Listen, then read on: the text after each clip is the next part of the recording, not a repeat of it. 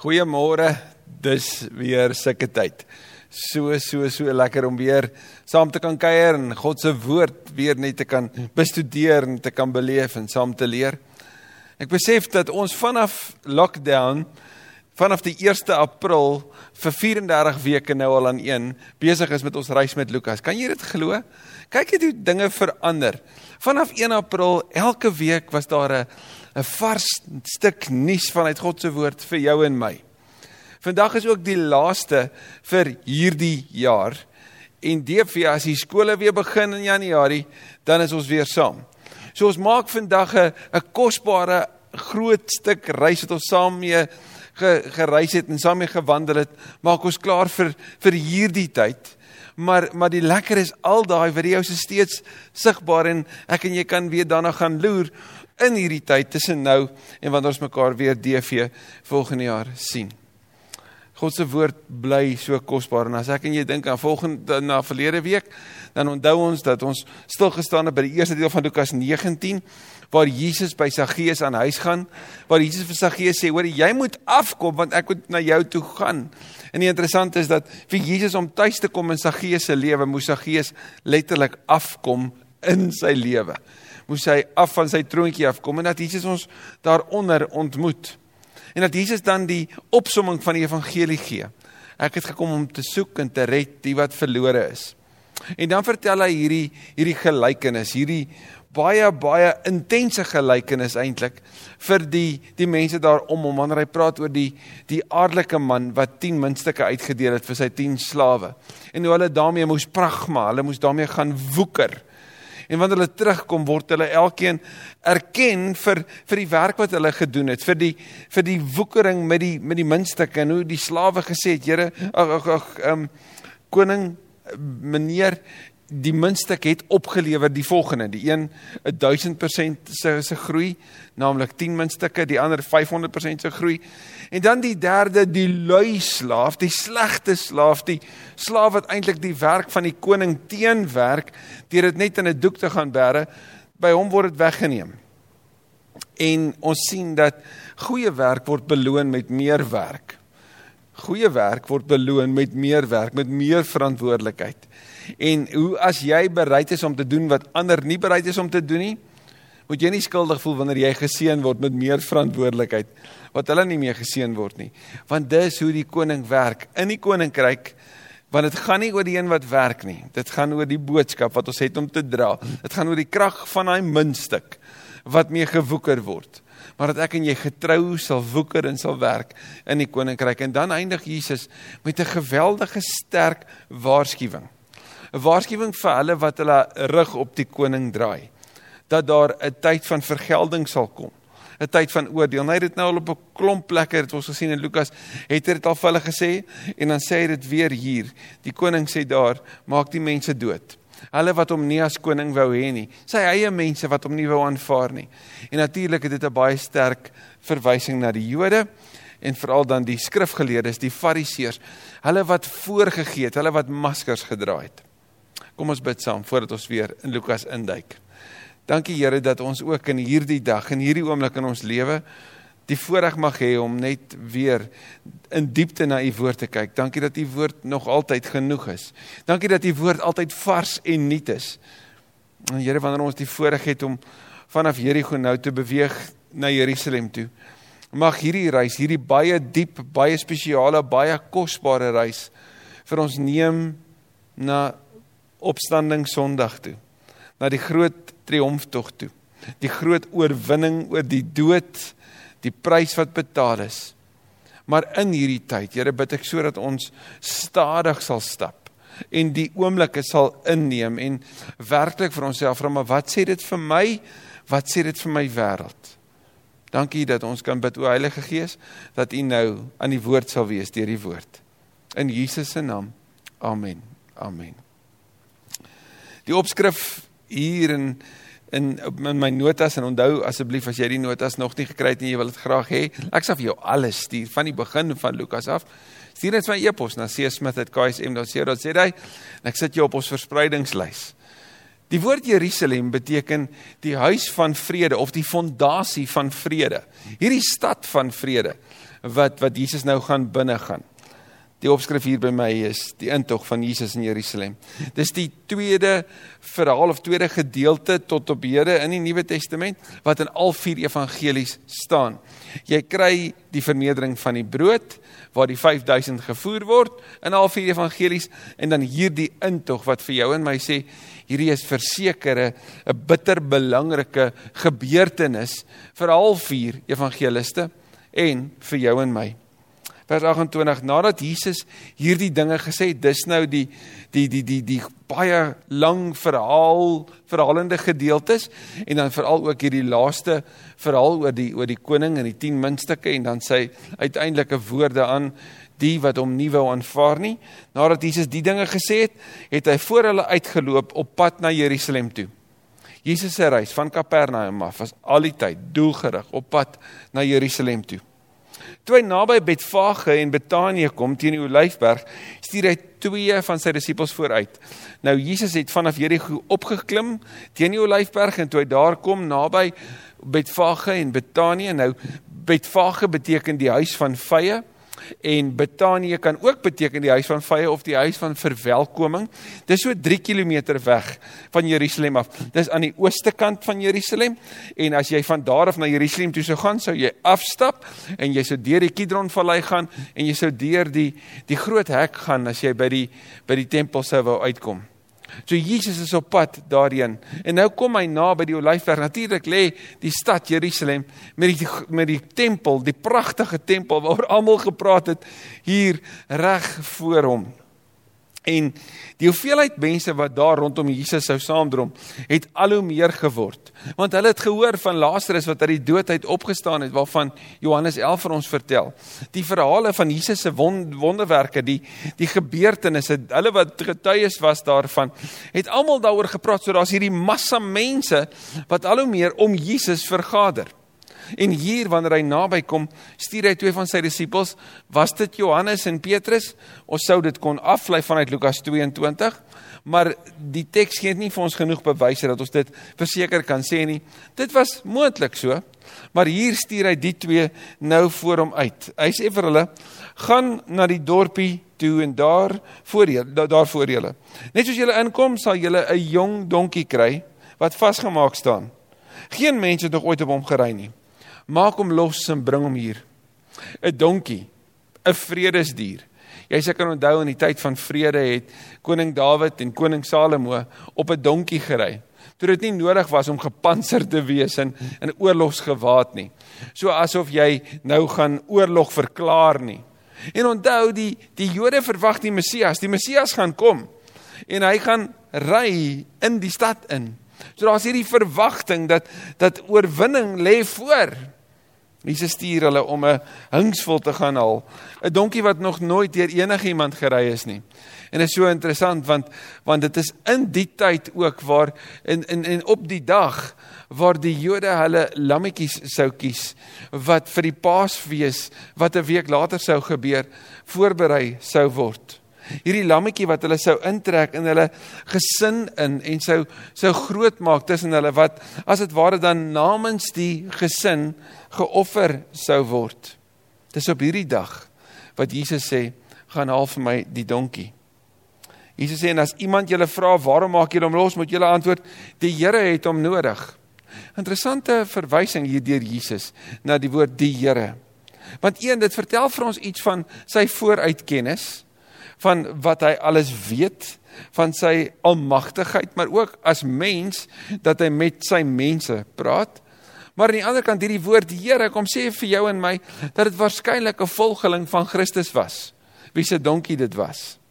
So Jesus sê gaan soontoe kry die donkie maak hom los bring hom hiernatoe en as iemand jou so vra sê die Here het hom nodig. Die twee wat gestuur is gaan toe en kry alles net soos hy vir hulle gesê het. Die woord kom in vervulling. Die woord het gedui op die Messias wat sou kom, dit kom in vervulling. Die woorde van Christus kom in vervulling. Dit gebeur net soos hy vir hulle gesê het. Terwyl hulle die donkie losmaak, vra die sy eienaars vir hulle: "Waarom maak julle die donkie los?" En hulle antwoord: "Die Here het hom nodig." Toe bring hulle die donkie na Jesus toe. En daarna gooi hulle van hulle klere op sy rug en help Jesus op. Nou ek en jy gaan in Daniël 9 vers 24, in Sagaria 9 vers 9 en in die heerlike pelgrimslied van Psalm 118 vers 26 lees hoe dit alles dui op die Messias wat gaan kom en die blydskap daarmee saam. Nou geliefdes, as ek en jy in die tyd van die Bybel sou leef in hierdie tyd sou dit ontsettende vreugde geskep het. Vir 450 jaar al wag hulle op die koms van die Messias. Wag hulle op die verlossing van Israel. Wag hulle op die Yom Yahweh, die nuwe dag, die dag van God se vergelding oor hulle vyande, oor die ongelowiges wat gaan aanbreek. Daar's blydskap en daar's massas en massas mense hier om Christus op pad na Jerusalem toe vers 26 terwyl hy aanry, het hulle van hulle klere op die pad gegooi. Van die ander evangelies herinner ons dat hulle van die palmtakke wat daai Jerigo se wêreld uitkom, wat hulle die palmtakke voor hom neergegooi het, soos wat hy afgaan na Jerusalem toe. En toe hy naby die stad kom, teen die afdraande van die Olyfberg, het die hele skare juigend volgelinge, juigende volgelinge God uit volle bors begin prys oor al die wonderwerke wat hulle gesien het hierdie klanke van blydskap. Hierdie wonderwerke wat hulle in Christus gesien het wat hulle harte vervul het, wat gemaak het dat hulle jubelend agter hom aanstap. Die woorde van 'n Bartimeus en sy blydskap. Die woorde van 'n Saggeus en en die redding wat na sy huis toe gekom het in die goedheid wat hy vir ander bewys het. Die woorde van die van die ouers van daai kindertjies wat hulle na Jesus toe gekom het en toe Jesus hulle geseën het. Ja, die woorde van elke een, elke melaatse wat genees is, elkeen wat wat deur Jesus aangeraak is, wie se lewe vir altyd verander het. Elkeen wat gevoed is deur Christus. Die die blydskap, jy kan dit net jouself indink wat in hulle harte geleef het. Hulle het gesing vers 38: Loof die koning, hy wat in die naam van die Here kom. Daai is Psalm 118 vers 26. Vrede in die hemel en eer aan God in die hoogste hemel. Hoe wonderlik is dit nie dat wanneer daaroor Jesus gepraat word, is hierdie woord vrede so deel. Jerusalem, die stad van vrede, wag om die vredevors te ontvang. Die vredevors oor wie daar gesê was toe sy geboorte aangekondig is dat die vredevors is gebore. Vrede op aarde vir die mense in wie hy 'n welbehae het goodwill to all mankind. Die shalom van God het gekom. Die die vredestyd van die vredeforses hier. Want soos Kolossense sê, hy die vrede herstel tussen ons en God. Hy maak dit weer moontlik vir ons om naby God te kan leef, om as verlosters te kan leef. Vrede op aarde vir die mense en wie hy welbehae het. Vrede in die hemel en eer aan God. Hulle fokus is op lof en eer en dank en 'n geweldige verwagting. 'n Paar fariseërs uit die skare sê te vir Jesus: "Meneer, maak stil die volgelinge." sien hulle ken Sagaria 9:9. Hulle weet dis die messiaanse teks. Hulle weet saam met al die ander messiaanse beloftes, hier is die simbool van die Messias wat kom wat hier voor hulle afspeel. Die Messias op 'n donkie. Maar hy antwoord: "Ek sê vir julle, as hulle stil bly, sal die klippe uitroep. Dis interessant. sien want want hier is daar 'n 'n 'n lofbetuiging aan Christus wat hy ontvang en verwelkom. Hy moedig dit as dit ware aan. Al weet hy hulle is besig met 'n verkeerde messiaanse verwagting. Is al hierdie gebeure nodig? Want sien dit forceer die fariseërs en die skrifgeleerdes en die familiehoofde om te moet reageer. Deur hierdie te doen, plaas Jesus hulle op 'n plek van wat gaan julle nou doen? Want hulle erken my as die Messias, julle doen nie. Hulle erken my as as die een wat sou kom, eh, die een wat in die naam van die Here kom. Die beloofde een is hier. Wat gaan julle daaroor doen? Julle wat my glad nie as dit erken nie. Julle wat my teenstaan, julle wat my vyandig uitdaag. Wat gaan julle nou doen?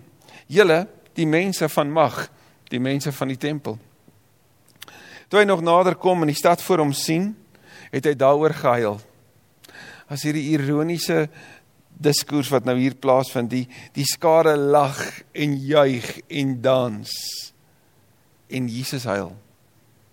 Hoekom? Hy het daaroor gehuil en gesê: "As jy vandag tog wou sien wat vir jou vrede nodig is, maar nou is jy blind daarvoor. Wat is nodig stad van vrede vir ware vrede om te kom? Ek moet gaan sterf. Maar jy sien dit nie eers nie. Jy sien nie eers dat God se liefde is so ernstig. God se God se liefde is is so volledig dat hy die volledige prys sou betaal. God is so ernstig oor jou en my en hy is so lief vir jou en my dat hy bereid is om in ons plek te sterf. En natuurlik sal ons die vraag kom vra maar hoekom? Wel, ons sou dit andersins nie geglo het nie. Ons sou andersins nie gevat het dat dit is hoe lief hy my regtig het nie. En dit is wat dit vat vir die vrede om te herstel, want liefde kos altyd 'n prys. En Christus betaal dit volledig. In die hartseer, dit wat hier voor julle gebeur, sê Jesus, stad van Jerusalem, stad van vrede. Vir jou om vrede te hê, is hierdie nodig en jy's blind. Jy sien dit nie eens raak nie. Vers 43, nou praat hy oor die stad. Daar sal daaroor jou kom dat jou vyande vestings teen jou gaan oprig en jou omsingel en jou van alle kante sal beleer. En hierdie gebeur in 70 na Christus wanneer Jerusalem uiteindelik in 'n pynhoop gelos word. Hulle sal met jou met die grond gelyk maak en jou inwoners uitwis. Hulle sal in jou nie een klip op die ander laat bly nie. Omdat, en kyk hierdie woorde, jy die betekenis van die tyd toe God gekom het om jou te red, nie besef het nie. Jesus kom sê weer hier die woorde wat hy daar by Saggeus se huis gesê het. Hy het gekom om te soek en te red die wat verlo verlore is. Hy het gekom om te red en te soek. In hierdie tyd toe God gekom het om jou te kom red, het jy nie besef nie. Vers 45 Jesus het na die tempel toe gegaan. So hulle het nou afbeweeg teen die Olyfberg. Hulle is deur daai daai groot hek, die goue hek, is hulle deur beweeg en hulle is nou in Jerusalem binne die die mure van hierdie stad. Daai hek wat hulle sou sluit om die mense aan die aande uit te hou en die wat binne is te beveilig. Hy beweeg nou in en wat is voor hom? Die tempel, die tempel in al sy glorie. En is besig, nê? Nee? Want is Paastyd. Nie net is daar hierdie massas mense om Christus nie, as massas mense in die stad. Mense wat van oral oorgekom het. Pelgrims wat van oral oorgekom het. Griekse Jode van ver af wat gekom het vir die jaarlikse groot fees, die Paasfees, die die offer van die lam namens die gesin. Op die dag wat die paaslammetjies gekies is, kom God se lam ingery. Dis asof God sê, hier is my lam. Wil julle hom nie aanvaar nie? Wil julle hom nie vat nie om namens julle in julle plek geoffer te word nie? Want dis presies wat op daai dag gebeur. En Jesus gaan na die tempel toe en toe hy daar aankom sien ons vers 45 het hy die handelaars begin uitjaag. Want sien toe Jesus die tempel inkom, toe sien hy hierdie tafels van geldwisselaars. Mense wat die gelde van die van die Grieke en van die Romeine gevat het en geruil het vir Joodse munte sodat die Joodse munte kon betaal, hulle die Joodse munte kon betaal vir die tempelbelasting. En hierdie was 'n geweldige groot geldmaak besigheid want hulle het die die munte geruil teen 'n wins en so hulle self ook verryk. En hulle het so armes uitgebuit. Hulle het so opregte gelowiges wat ver gereis het om hierdie offer te bring. So het hulle hulle uitgebuit. En Jesus keer hierdie stelsel om, letterlik wanneer hy die tafels omkeer en dis die geld ook omkeer. Van die ander evangelies vertel dat hy 'n sweep gevleg het en hulle letterlik daar uitgevoer het. Dink net daaroor. Die Messias wat op die vredesdonkie kom. Wat praat oor die vrede wat nodig is. En hier keer hy dit om. Hy's al hoe meer besig om sy opponente uit te daag. Hy's al hoe meer daar om hulle die valsheid in hulle stelsel bloot te lê. Hy het wel gesê, daar staan geskrywe, my huis sal 'n huis van gebed wees, maar julle het dit 'n rowersnes gemaak. Dis so merkwaardig wat hier gebeur wanneer die die God van die heelal, die Here van die tempel na sy tempel toe kom. Wanneer hy die, die sy teenwoordigheid die tempel vul. En wat is die eerste ding wat hy doen? Hy reinig dit. En dan spreek hy hulle aan en die woord wat hy gebruik is rowersnes. Die rowersnes is 'n is 'n plek waar rowers versamel om die buit wat hulle gekry het deur ander mense te na te kom. waar hulle dit saam vier. Dis 'n verskriklike beeld. En Jesus sê, dis wat julle besig is om te doen. Julle maak van die tempel, van die plek van aanbidding en lof van die Here, maak julle 'n plek waar julle mense beroof, waar julle mense te nakom. Wat 'n verskriklike verskriklike belediging. En natuurlik sou hulle dit gehoor het en gevat het en dit sou hulle omgekrap het. En ons sien vers 47, hy was elke dag in die tempel besig om die mense te leer. Intussen het die priesterhoofde en die skrifgeleerdes en ook die leiers van die kerk of van die volk 'n plan gesoek om hom dood te maak. sien met sy uitdaging gebeur hierdie groot groot beweging wat nou al vir lank sloer. Kry dit nou momentum. Hierdie beweging om hom dood te maak om hom uit die weg te ruim. Maar dis Paasnaweek. Dis Paastyd. Daar's baie reëlings. Die tempel is bedrywig. Die die lammetjies wat wat verkoop is moet moet moet moet versorg word en die geld moet gewissel word. Die tempelbelasting moet geïn word. En dan moet ons nog al hierdie lammetjies laat offer en dan moet kos gemaak word sodat dit is 'n groot besigheid. En in hierdie tyd sê hulle maar kom ons maak plan met hierdie man. Waarom was Jesus so uniek? dat hulle juis op hierdie groot tyd, hierdie groot feestyd plan maak om hom uit die weg te ruim. Omdat hy die ware Messias is. Die enigste Messias is, die enigste hoop is. Vers 48, hulle kon egter niks vind wat uitvoerbaar was nie, omdat die hele volk gretig na hom geluister het. En so begin dag 1 van hierdie laaste week van Jesus se lewe op aarde. En as ons volgende keer bymekaar kom, begin ons met 'n reis. Ons gaan eers dit net opsom weer saamvat wanneer die skole weer begin.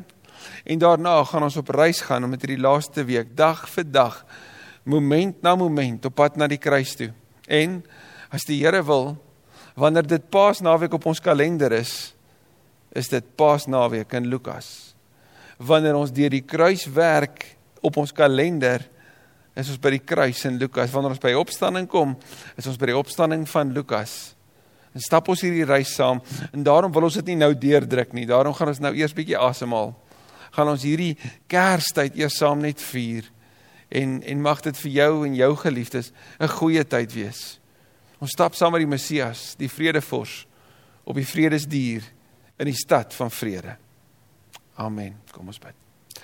Dankie Here vir vir hierdie teks. Dankie dat ons net weer in U die die groot vredesoffer sien.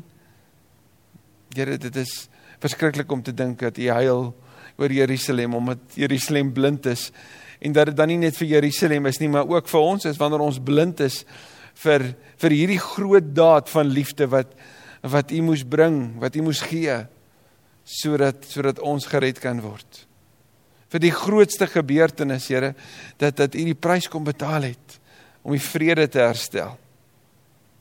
Ek bid so dat ons ook in hierdie tyd, hierdie Kerstyd wat nou vir ons voorlê, dat ons in hierdie tyd ons ons harte sal oopmaak vir die grootste gebeurtenis. God het aarde toe gekom. God het onder ons kom woon.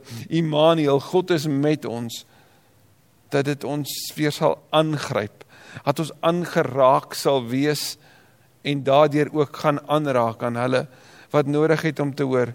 God het gekom om te red en te soek die wat verlore is. En te hoor Jesus sê ek het julle gestuur. Gaan na al die plekke toe, na al die nasies toe. Deel die goeie nuus en onthou ek is met julle al die dae tot die volëinding van die wêreld. Ons eer U daarvoor in Jesus se naam. Amen. Amen. Mag hierdie tyd vir jou regtig baie kosbaar wees tot ons mekaar weer sien.